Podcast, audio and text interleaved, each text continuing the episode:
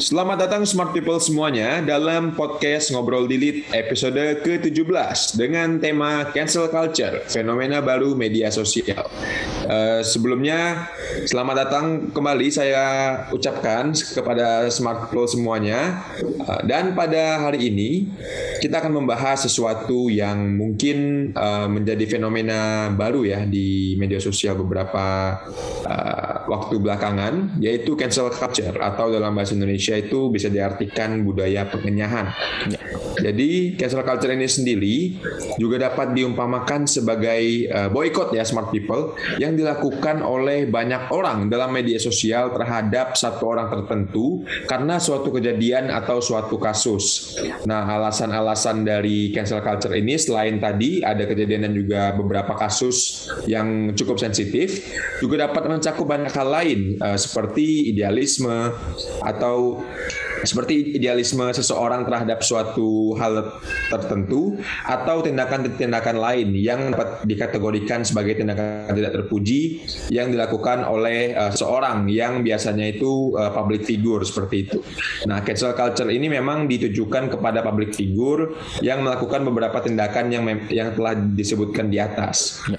Nah, jadi pada uh, Kesempatan kali ini saya juga akan ditemani oleh Mas Adat dan juga Mbak Ines seperti biasa. Halo, halo Mas, Mbak. Halo, halo. Halo. Oke, kita mungkin langsung masuk ke diskusi aja ya smart people semuanya. Jadi mungkin Aldo mau bertanya dulu nih ke Mas Adat sama Mbak Ines juga. Nah, menurut uh, pendapat pribadi dari Mas Adat dan sama Mbak Ines, kira-kira cancel culture itu apa sih, Mas, Mbak? Dan kemudian kenapa cancel culture ini dapat terjadi dan menjadi fenomena baru di media sosial kita saat ini? Iya, uh, sebenarnya fenomena cancel culture ini mungkin sesuatu yang mungkin kita pahami udah cukup lama ya. Sebenarnya mungkin dari dulu tuh sebenarnya ini udah ada nih. Kalau kita mau di Indonesia gitu ya uh, ini ini ini ini kita harus berbicara soal dunia entertain dan gosip. Misalnya ada kaitannya dengan misalnya isu uh, Ahmad Dhani dan Maya Ahmad gitu dengan Mulan Jamila misalnya ketika zaman dulu gitu. Ini kan ini kan uh, kita tahu siapa yang di cancel misalnya merebut laki orang dan lain-lain. Itu kan uh, semuanya proses lama ya. Dari dulu kita tahu tuh bahwa kayak uh, yang yang sosok Mulan Jamila misalnya dianggap sebagai perebut uh, laki orang dan lain-lain. Akhirnya di cancel oleh masyarakat sebagai uh, di, dicap seperti itu dan diboykot lah kira-kira seperti itu untuk tidak tidak bisa diterima di masyarakat. Tapi kan dulu kita nggak tahu istilah itu ya apa uh, cancel culture secara istilah. Karena dulu kita taunya cuma ya itu aja itu sebuah tindakan yang nggak layak lah dilakukan. Dan udahlah nggak usah. Banyak orang yang nggak suka sama dia. Uh, twitternya di bash kemudian uh, apa namanya uh, instagramnya juga juga di bash, dibikin akun-akun uh, palsu-palsu yang uh, yang yang mengkritik-mengkritik seperti itu. Nah, tapi uh, yang sebenarnya ketika itu jadi populer di Indonesia ketika ketika kasus Karin dan juga dengan dia kalau nggak salah ketika dia diduga mengambil beberapa gambar dari Pinterest punya beberapa karya karya orang gitu. Itu itu itu salah satu uh, waktu di mana ketika cancel culture tuh uh, muncul di Indonesia. Sebenarnya secara sederhana kalau menurutku cancel culture ini budi, sebuah budaya di mana kita tuh membuang uh, seseorang dari citra baiknya di mata publik. Jadi yang kita lihat itu memang jeleknya doang gitu. Kita nggak pernah melihat sisi dia tuh pernah melakukan apa yang baiknya. Ini secara simpel ya harus aku katakan seperti itu karena kalau kita lihat kalau kita lihat misalnya Aukaren misalnya dalam beberapa kasus dia sebenarnya juga nggak dia berhasil menghidupkan misalnya uh, apa namanya uh, dunia entertain uh, alternatif Indonesia gitu yang nggak hanya di nggak hanya dihuni oleh orang-orang yang mungkin tampil di TV dan lain-lain. Generasi Aukaren itu tiba-tiba muncul aja orang-orang yang nggak yang mikro seleb mikro seleb tuh jadi terkenal dan sangat terkenal. Endorse endorsement sangat terkenal. Kita nggak pernah melihat dari sisi itunya. Ketika kita melihat dia yang melihat dari kasus-kasus buruknya saja sehingga banyak orang yang cancel dia. Nah di yang lebih lebih jauh lagi di Amerika itu kalau teman-teman pernah dengar Harvey Weinstein Harvey Weinstein itu kan juga pernah kena kasus yang dulu ah, sampai ada hashtagnya MeToo. Itu menurutku adalah titik di mana cancel culture sangat populer atau menjadi sebuah istilah yang cukup pop di seluruh dunia. Ketika uh, seorang produser film uh, melakukan pelecehan seksual uh, secara masif sejak lama kepada uh, uh, apa namanya rekan-rekan kerjanya di Hollywood gitu. Dan ini menjadi booming uh, meskipun tidak diakui akhirnya uh, apa namanya eh, kasus-kasus ini melebar dan menjadi sebuah gerakan uh, gerakan masyarakat atau gerakan penolakan uh, yang mana MeToo ini uh, hashtag MeToo itu menjadi salah satu pendorong orang-orang untuk menceritakan pengalamannya uh, untuk untuk kasus yang mereka alami terhadap kekerasan seksual begitu. Sehingga uh, menurutku itulah waktu-waktu ya itu mungkin masih baru sekitaran 2017 2018 baru sekitar populer. Tapi sebenarnya fenomena ini menurutku udah cukup lama sebenarnya terjadi. Aku nggak tahu mungkin teman-teman punya pengalaman yang lain tapi uh, kalau ngelihat dari uh, penjelasan cancel culture sebenarnya hal ini udah terjadi uh, cukup lama gitu. Nah mungkin Ines bisa hmm. bisa ngasih gambaran sebenarnya apa sih sebenarnya penyebab dari uh, munculnya cancel culture ini? Kalau menurut aku sih kenapa ada cancel culture karena sekarang kan cyberspace itu tuh membolehkan kita melihat semuanya secara 360 360 dan transparan gitu kan. Hmm. Jadi hmm. lebih mudah juga bagi kita untuk ngejudge dengan norma-norma yang kita pegang. Jadi setiap user kan punya normanya mereka sendiri. Hmm. Nah itu tuh mudah untuk ngejudge itu semua. Nah kalau aku sendiri tuh pengalaman aku sama cancel culture itu lebih banyak di komunitas makeup YouTube. Ya itu karena uh, aku sering banget nonton yang kayak James Charles gitu-gitu loh. Ya, ya. Nah itu tuh hmm. mereka seakan-akan kayak hidupnya tuh kalau di Indonesia kan di cancel ya udahlah ya gitu kan. Terus ya, kayak ya gimana ini gitu kan nah kalau di sana tuh enggak di cancel mudah saya James Charles di cancel itu tuh dia kasih lihat lo tuh semua nggak pantas ke cancel gue karena gue punya receipt hmm. karena gue punya ini nih apa namanya bukti, bukti. kalau gue tuh nggak harus di cancel kayak gitu okay, okay. nah itu tuh rampant banget kasusnya karena dia ngasih lihat DM DM pribadi terus habis itu ngasih lihat apa uh, private conversation setelah di Amerika kan privacy law lebih kenceng daripada kita kita kan ya. itu tuh kayak calling into question gitu dan tiba-tiba nih si James Charles yang abis di cancel itu tuh bisa tiba-tiba uncancelled malah hmm. nggak cancel orang nggak cancel dia gitu iya benar oke okay, oke okay. Jadi itu menurut aku cancel culture tuh kayak apa ya dibolehkan dia dia ada karena cyberspace tuh membuka kesempatan bagi semua orang untuk play judge hmm. terhadap orang atau barang atau apa pun itu gitu. Iya, ditambah ditambah nggak perlu ini ya Nes ya, mungkin nggak perlu menunjukkan siapa dia gitu untuk bisa ngejudge kayak gitu kan karena anonimitas sekali lagi masih bisa kita lakukan di di cyberspace. Betul ya. banget. Gitu. Kalau Aldo gimana dong? Menurut Aldo? Cancel culture ini. Uh, apa namanya? Apakah apakah memang ada penyebab-penyebab lain selain yang tadi disebutin sama Ines?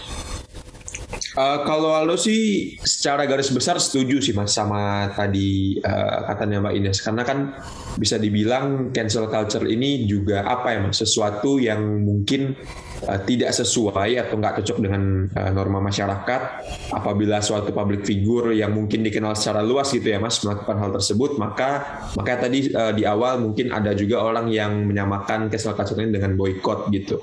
Nah sebenarnya kalau Aldo kan beberapa uh, ini sih mas beberapa uh, ini yang yang aku ikutin itu ada di e-sport mas. Hmm. Dulu uh, sempet Listi mas kalau yang oh, okay. uh, tahu. Ya, ya, ya, ya. Listi Chan itu kan dulu sempet ini ya sempet dia dulu salah satu uh, pemain pro player Mobile Legends yang cukup uh, yang populer juga dulu di EVOS, EVOS Ladies.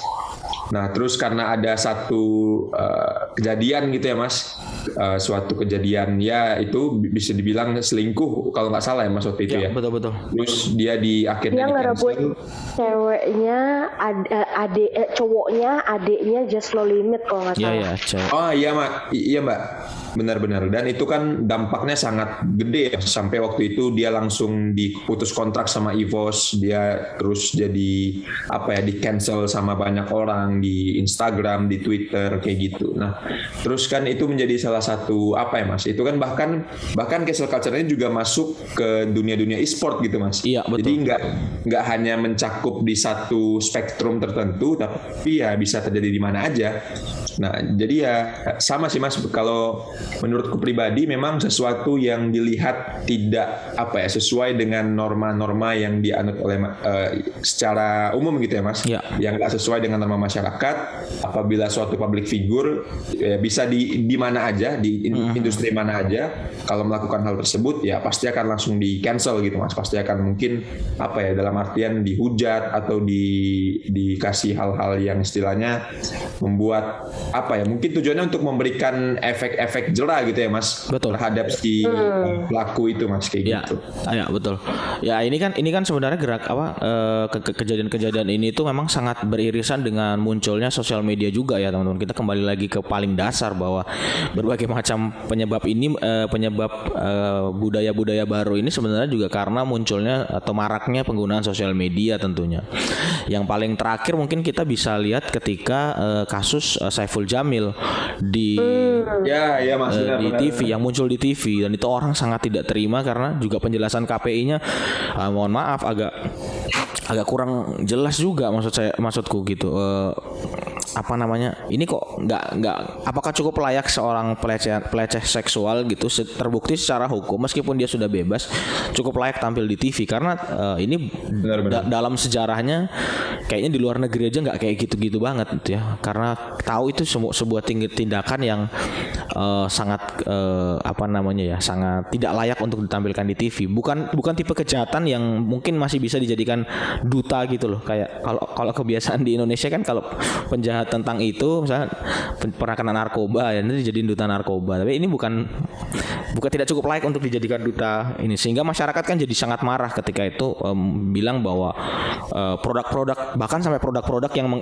iklannya tampil di acara itu ketika itu. Kalau nggak salah ada seorang yang bikin yeah. dan dan dibikin di change.org or, eh di change.org kalau nggak salah di change.org itu petisinya sampai ratusan ribu yang untuk tanda tangan untuk menolak kehadiran uh, Saiful Jamil ini di TV lagi. Tapi tapi rasanya sih itu cukup secara untuk untuk itu kalau menurutku cukup berhasil karena akhirnya nggak muncul lagi sih sebenarnya di uh, di di di di TV gitu. Nah, menurut kalian kalau untuk kasus seperti ini menggunakan untuk kasus-kasus yang seperti ini uh, menggunakan uh, sosial media untuk melakukan uh, apa untuk melakukan judging, untuk melakukan tindakan-tindakan cancel culture gitu ya, si, uh, melakukan penolakan, melakukan boykot terhadap satu orang. Ini kalau kasusnya kayak gini menurut kalian seperti apa? Kalau dari aku pribadi, menurutku yang begini sih sebenarnya nggak apa-apa, tapi fokus aja ke ke penolakannya gitu. Jadi jangan merembet ke mana-mana. Jadi misalnya kita memang menolak orang ini untuk tampil di TV, ya udah ketika dia udah nggak tampil di TV dan dia tidak diberikan panggung itu menurutku udah sangat cukup. Tidak perlu merembet ke yang lain-lain. Nah kalau menurut teman-teman gimana? Benar, benar. karena batasannya ini agak tipis memang ketika kita bahas soal cancel culture nih. Dengan bullying nanti mungkin jatuhnya. Kita kembali lagi ke pembahasan kita beberapa pekan yang lalu gitu. Iya betul betul apa Ines mungkin ada ada pendapat soal uh, kasusnya Saiful Jamil gitu Oh kalau kasusnya Saiful Jamil sih aku ngelihatnya itu bukan jadi yang di cancel tuh sebenarnya bukan Saiful Jamilnya. Gitu ya? Tapi justru stasiun televisi di mana okay. Saiful Jamil itu muncul oke okay, betul. menurut aku ya. Hmm. karena kayak sebenarnya kan kalau SJ-nya sendiri kan kutuk-kut dia tuh sudah di cancel oleh hukum. Ya, ya. harusnya itu karirnya sudah selesai menurut aku ya. Karena dia telah melakukan perbuatan ya kriminal lah kan udah di penjara. Nah, tapi itu yang di cancel adalah stasiun televisinya itu yang menayangkan dia karena yang aku ingat tuh ada Ari Kriting kalau nggak salah ya. yang apa namanya uh, di approach sama tim stasiun televisinya kayak Hai boleh nggak saya minta uh, izin untuk ini konten share oh, konten iya, yang ada di iya. Instagram kamu ke hmm. acara E di stasiun televisi ini terus Ari Kriting jawabnya langsung kayak enggak kayak gue nggak mau berasosiasi sama kalian yang masih ngasih platform untuk pelaku pelecehan seksual kayak okay, gitu. Okay. Terus ada si aku lupa nih tweet di Twitter accountnya uh, artis. Cuma eh bukan artis public figure tapi aku lupa. Nah terus dia intinya punya acara tuh yang anak da, siapa dan keluarga cemara kalau nggak salah nama ininya nama judulnya. Terus abis itu dia bilang oke okay, mulai sekarang saya dan uh, tim akan tarik acara ini dari stasiun televisi ini karena uh, tidak sesuai dengan value kami hmm. yaitu ramah anak kayak gitu. Nah itu kan banyak abis itu yang nge-call out si Cinta Laura juga kalau nggak salah. Nah tapi yang di call out tuh stasiun televisinya bukan SJ-nya kalau menurut aku. Jadi mungkin cancel culture-nya itu kayak terjadinya tuh terhadap si stasiun televisinya itu. Memang berarti stasiun televisinya ya fokusnya ke situ. Tapi emang ya bener sih ke stasiun televisinya aku juga agak-agak luput ternyata uh, sasaran dari itunya karena tadi aku sempat bilang itu kan yang incer uh, yang diincar juga brand-brand ya. Uh, brandnya kan juga melengkapnya ke stasiun televisi untuk iklannya. Benar itu. Kalau Aldo ada nggak uh, pendapat soal kasus itu? Karena karena gini, karena menurutku uh, cukup efektif karena itu kan masif banget di sosial media Twitter dan Instagram yang menolak ini gitu. Tapi tetap ada orang yang mendukung loh untuk nggak uh, apa-apa lah kan udah dihukum gitu. Hmm. Kan udah dihukum. Jadi stasiun TV berhak-berhak aja, nggak ada salah stasiun TV. Menurut Aldo gimana?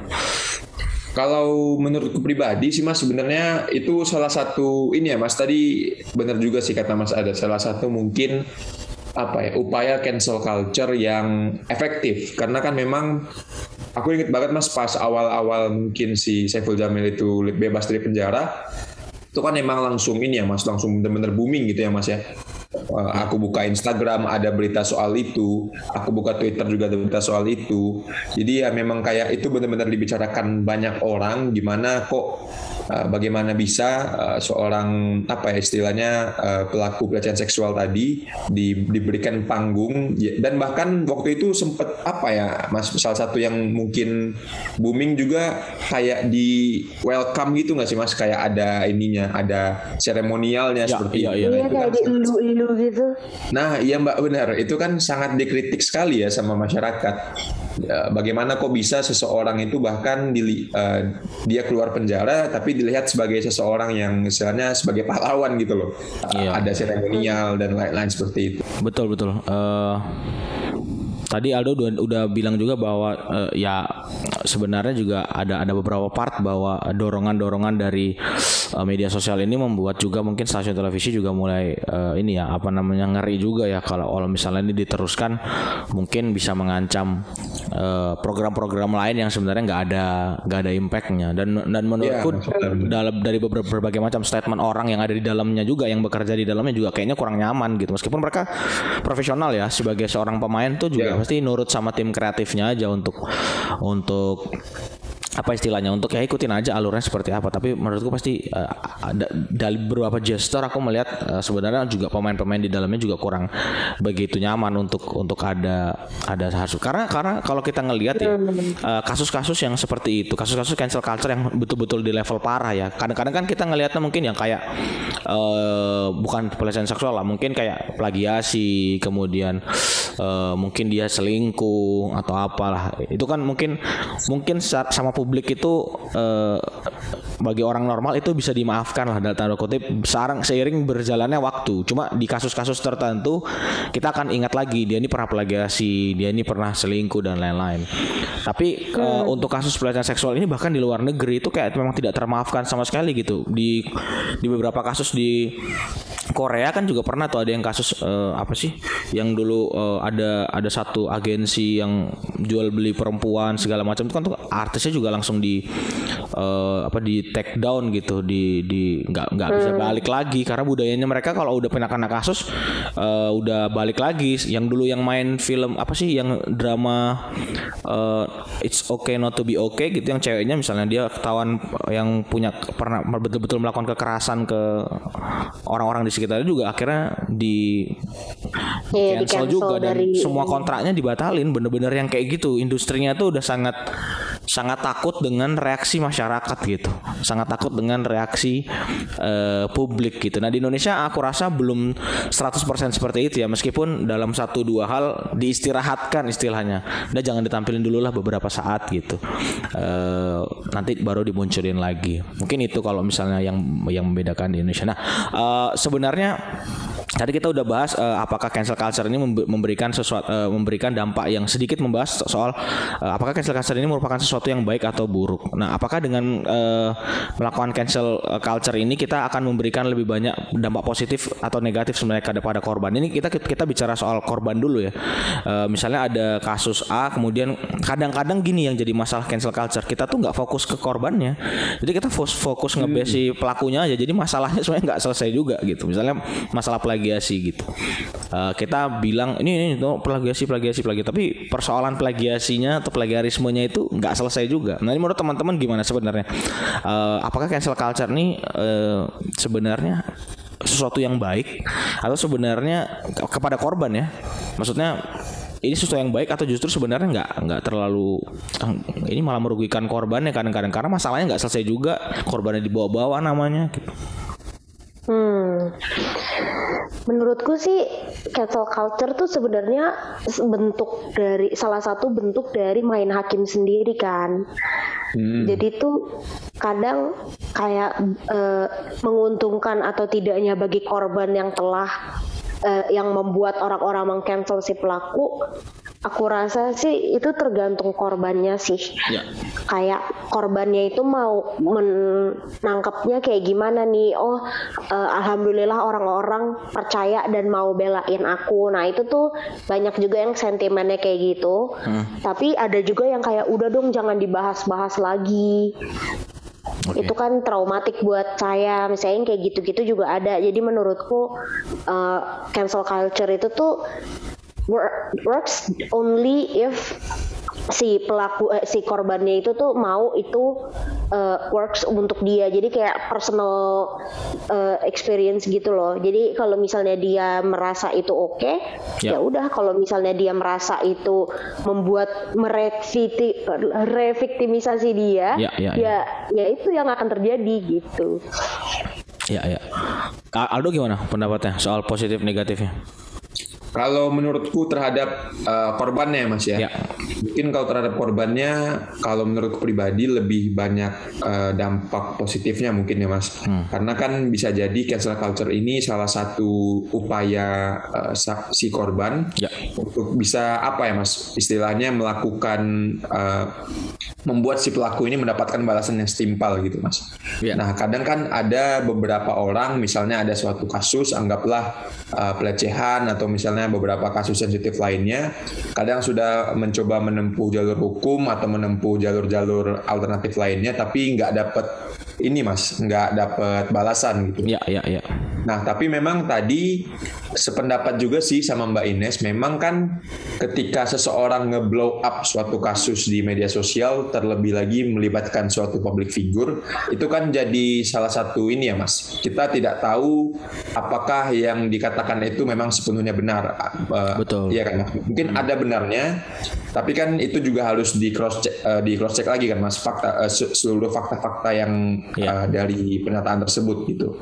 Nah, itu kan bisa jadi apa ya salah satu hal yang uh, dilematis gitu mas. Uh, jadi kalau menurut aku pribadi sih dampak positifnya lebih banyak gitu mas. Jadi ya. uh, korban ini bisa mendapatkan istilahnya si pelaku ini bisa lebih di inilah disanksi secara sosial oleh netizen ya, ya. netizen yang ada di sosmed. Ya. Tapi ya itu mas juga diperlukan adanya cross check ulang sih mas. Uh, karena hmm. kan ini juga menyangkut nama baik ya mas sebenarnya menyangkut hmm. nama baik si public figure dan juga ya lebih baik lagi sih kalau misalnya misalnya memang dikelirkan, dikonfirmasi semua um, mengenai detail-detail kasusnya gitu, Mas. Iya betul. Uh, itu tadi kita lihat dari perspektif korban, karena karena menurutku yeah. penting juga sebenarnya uh, ini kan kadang kasus-kasus ini kan orang uh, tidak tidak bisa mengungkapkan karena mereka ini orang-orang biasa gitu ya, sehingga sedangkan iya, pelaku pelakunya yeah, kebanyakan tuh memang uh, apa ya bisa kita katakan orang terkenal lah, orang yang punya reputasi, orang yang punya uh, nama gitu di luar di dunia maya maupun di dunia nyata begitu. Nah, tapi memang kesulitan tuntutannya adalah dia nggak punya korban-korban ini nggak punya suara sehingga mungkin salah satu sisi baiknya tadi ya seperti dibilang Aldo. Ya ini bisa me, me, apa menaikkan ya menaikkan beritanya gitu sehingga orang lain pada jadi tahu gitu. Nah tapi memang ada batasan yang cukup tipis di pelakunya begitu. Karena nah aku kalau menurutku aku sebut sejujurnya tidak terlalu aku nggak tahu ya harus bersikap tapi kayaknya kurang kurang sepakat dengan cancel culture ketika memang ketika apa yang sudah terjadi selama ini. Karena uh, pelaku itu sebenarnya juga berhak untuk memberikan pendapat gitu. Apa yang dia lakukan apa yeah. yang dia rasakan. Sehingga uh, tapi kasusnya yang belakangan ini terjadi di sosial media terutama di Indonesia pelaku ini nggak dikasih ruang dan hanya dipermalukan gitu. Sehingga uh, kalau menurut teman-teman aku nggak tahu gimana tapi menurutku untuk yang tadi kita kita bicara soal korban yang memang ini penting untuk menaikkan isunya tapi di pelaku limit dari uh, bulinya itu tadi yang Aldo sebut sebagai sanksi sosial mungkin itu hmm. menurutku cukup layak dan bisa didapatkan tapi ketika sudah mengi, me, ada ada batasan yang ditembus gitu misalnya soal urusan pribadi yang lain yang nggak ada kaitannya misalnya dia punya anak kemudian dia punya istri menurutku itu apakah perlu sejauh itu uh, untuk diungkap atau di diintimidasi atau di apa ya dibongkar oleh masyarakat uh, luas gitu. Nah menurut gue itu sih nggak nggak terlalu perlu. Nah kalau menurut teman-teman gimana? Kalau untuk pers dari kita ngelihat dari perspektif pelakunya gitu. Ines mungkin. Hmm, apa ya? Uh, ini sebenarnya agak dilematis banget sih kalau bagi pelakunya karena aku sih pribadi merasa kalau dalam satu gerakan cancel culture yang berhubungan khusus dengan kasus seksual ya pelecehan seksual atau apa pun itu, yeah. aku ngerasa pelaku tuh emang nggak punya hak apa-apa. Iya, yeah, yeah. Menurut hmm. aku, karena ya curang dong, kan lo udah menyelecehkan enak yeah, yeah, banget, yeah. terus abis itu lo masih boleh juga tuh ngomong kayak lo semua tuh nggak tahu kebenaran kebenaran apa kalau lo udah melecehkan kayak yeah, gitu loh. Yeah, yeah. Karena ini mengingatkan aku ke ada kasus uh, dulu tuh Vine, Viner di luar negeri hmm. yang kayak gitu tuh. Jadi dia melecehkan waktu itu pacarnya, terus pacarnya ngadu ke sosial media lah intinya yeah. di expose, terus abis itu uh, dunia itu mengcancel si cowok ini, walaupun ada beberapa yang dukung. Nah terus si cowok ini itu uh, confess to felony di sana, hmm. Tapi abis itu masih ngomong kalau kalian nggak tahu apa yang terjadi sebenarnya di antara gue dan dia. Ya, kayak ya, ya, ya. aku tuh kesal banget ngelihatnya kayak lo tuh apa sih? Kayak lo tuh nggak boleh punya suara lagi kayak gitu. Ya, ya. Nah tapi kalau dalam cancel culture yang uh, misalnya kayak canceling yang lain gitu misalnya dia di cancel unjustly gitu dia di cancel uh, secara tidak adil gitu ya dia berhak untuk ngomong hmm. iya kan gitu makanya menurut aku canceling tuh menjadi sesuatu yang sangat dilematik karena dia kan nggak punya hukum sebenarnya betul, betul, there's betul. no norm set norm atau standar atau hukum yang menggovern bagaimana oh kita harus cancel sekarang. Oh kita jangan cancel kayak gitu tuh nggak ada. Gitu. Betul betul kalau dari perspektif pelaku aku pribadi sih kayak ya gini kalau kamu mau sebagai pelaku kamu telah merasa di cancel secara tidak adil gitu ya, ya kumpulkan semua bukti yang kamu punya. Yeah. Kalau misalnya itu kamu tidak warrant your canceling gitu loh. Yeah, betul. Jadi kalau misalnya kayak oh misalnya nih Mas Adat di cancel gitu gara-gara ngebully Aldo pas SD misalnya ya. Hmm. Terus abis itu kayak Mas Adat mengeluarkan semua chat SMS di antara dia dan Aldo yang nanyanya adalah Do udah bikin PR belum? Apa kabar?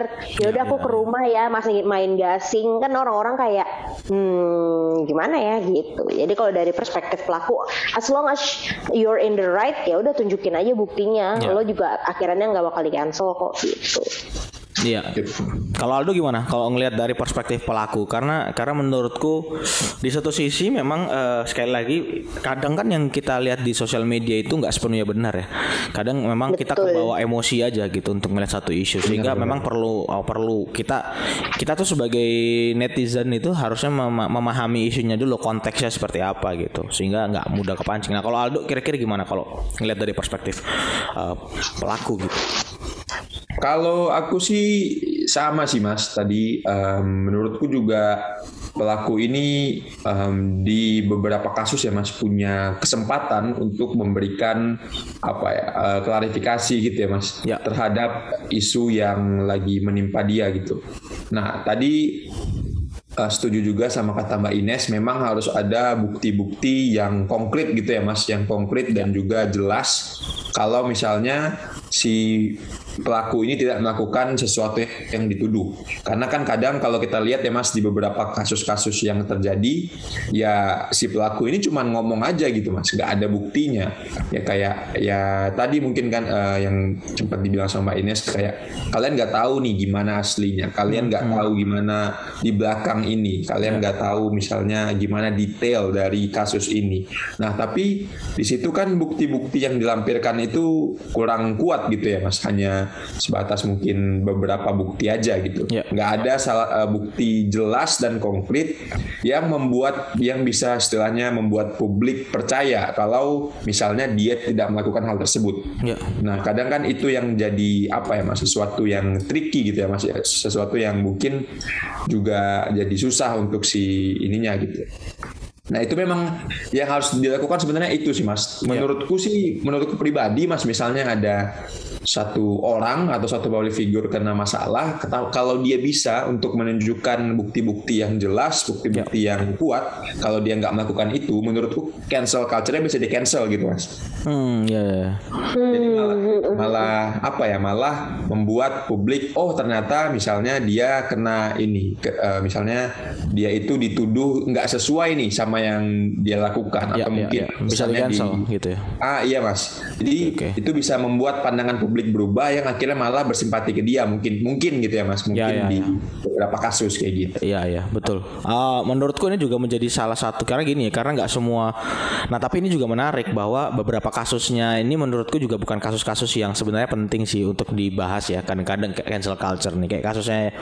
Menurutku sih kasusnya siapa yang tadi Aldo bilang yang Listi itu kan yang pemain ya. kasus itu menurutku juga Iya iya. iya. urgensinya di mana? Tidak ada urgensinya bagi masyarakat kebanyakan itu kan hanya Iya, eh, hanya ini. Tapi memang beberapa kasus pelecehan seksual menurutku ini cukup penting sebagai edukasi masyarakat bahwa eh, speak eh, untuk speak up gitu ya. Nah menurutku ini ini menjadi ruang sebenarnya untuk eh, apa namanya kayak arena atau sarana untuk eh, keadilan sosial gitu bagi banyak orang. Karena tidak bisa kita keluarkan di dunia nyata media media eh, konvensional tidak mau memberitakannya. Sekarang caranya ya mau nggak mau kita bikin keramaian bikin tweet bikin dan lain-lain di sosial Iya. media sehingga ada pendorongnya gitu. Cuma memang ada batasan yang sangat sangat eh, harus di dipahami gitu bahwa ini bukan harusnya bukan menjadi sebuah arena eh, harusnya menjadi arena keadil- keadilan sosial bukan menjadi arena intimidasi massal gitu ya. Karena intimidasi massal ini menurutku juga bahaya karena menimbulkan persoalan baru yaitu eh, cyberbullying nantinya jadinya. Karena di luar banyak orang-orang yang eh, eh, di luar sana gitu ya eh, mereka justru sampai bunuh diri dan melakukan tindakan-tindakan lain karena udah sampai di level yang sangat parah gitu. Nah mungkin di bagian akhir kita eh, eh, mungkin Ines dan juga Aldo bisa memberikan eh, saran gitu ya. Eh, bagaimana sih sebenarnya eh, atau kita kira-kira eh, cancel culture nih harus dikelola seperti apa gitu yang idealnya supaya tidak menimbulkan kerugian di du- kedua belah pihak gitu. Kita sebagai perspektifnya sebagai netizen mungkin ya. Bagaimana kita eh, mendorong cancel culture ini sebagai sebuah budaya yang tidak menjadi intimidasi massal tadi kalau eh, kita lihat mungkin Ines atau Aldo Aldo mungkin dulu Oke mas, kalau menurutku pribadi satu-satunya eh, bu- bukan satu-satunya mas salah satu cara yang paling efektif ya mas Ya. untuk tadi membuat cancel culture ini betul-betul to the point adalah ya. Hmm. Iya mas, adalah kita harus ya stick apa masalah utama dari si pelaku gitu mas. Ya. Nah, kadang kan yang jadi apa ya mas, salah satu sifat buruk dari netizen-netizen Indonesia terutama ya mas. Jadi misal si apa namanya si pelaku A kena kasus apa misal eh, suatu kasus. Nah itu kan yang dibawa-bawa nanti malah ke apa ya mas, bisa dikatakan ad hominem gitu ya mas, malah membawa ke diri dia sendiri gitu. Jadi Iya, misalnya iya. kasus dia apa, tapi yang yang di up, yang di malah hal-hal yang lain yang tidak ada relevansinya dengan kasus tersebut. gitu. Ya, ya, ya, ya. Nah ini kan yang tadi mungkin bisa di kita masukin ke dalam cyberbullying tadi mas, seperti kata Mas Adat. Ya, betul. Nah, jadi kan kadang itu yang susah mas. Itu malah akhirnya bisa membuat si pelaku ini malah jadi apa ya, dia dia itu istilahnya tidak di apa tidak diperlakukan oleh cancel culture secara seharusnya karena ya hal-hal yang nggak relevan tadi mas gitu. Salah sasaran, Nah, tapi- ya, salah sasaran lah. Iya benar mas. Iya. Jadi kurang tepat sasaran gitu. Nah, memang kalau menurutku pribadi sih kalau misalnya ini sesuai ya mas langsung tepat sasaran sesuai dengan kasus dia apa dia terus di cancel di situ. Jadi ini menjadi sesuatu yang efektif mas. Contohnya tadi eh, yang udah kita diskusikan sih. Tapi kan yang perlu kita kurangin dan juga mungkin tapi ini juga jadi masalah besar ya mas karena kan kita Ya. nggak bisa ngontrol semua orang. Betul, betul. Sosial media nggak bisa nggak bisa kita kontrol Iya. sepenuhnya gitu. Iya mas betul. Apalagi tadi ada ini karena orang karena udah gampang banget ya mas tinggal bikin fake account namanya juga nama nama palsu. Ya. Ya orang udah bisa tuh langsung misalnya menghujat, langsung menghina dan hal-hal negatif lainnya gitu. Ya, ya, ya. Nah, jadi memang itu sih Mas eh, yang bisa kita lakukan mungkin sebagai netizen ya istilahnya cancel culture harus tepat sasaran dan stick ke kasusnya apa gitu. Ya. Eh, nggak usah bawa hal-hal lain yang Ya. nggak relevan. Kayak gitu sih Mas kalau dari aku. memperkuat tujuannya ya mungkin ya jadi Ya. eh, kita harus fokus kepada tujuan dari eh, gerakan ini tapi memang kadang-kadang gerakan ini kan juga nggak ada yang ngeplan ya sebagai bagian dari eh, refleks mata gitu sehingga mungkin eh, Hmm. kendali daripada kecuali memang kayak gerakan yang di set up ya gitu jadi kan ini Ya, ya, Mas, ada benar. strateginya dan lain tapi kadang-kadang kan eh, memang munculnya juga tiba-tiba gitu. Kalau Ines gimana?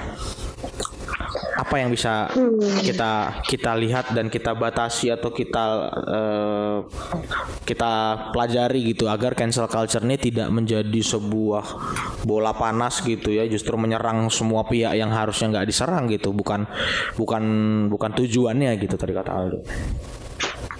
Iya, aku setuju banget sama Aldo sih. Karena netizen Indonesia itu kebiasaan paling buruknya menurut aku daripada saat sedang mengkritik apa pun ya, itu tuh ad hominem.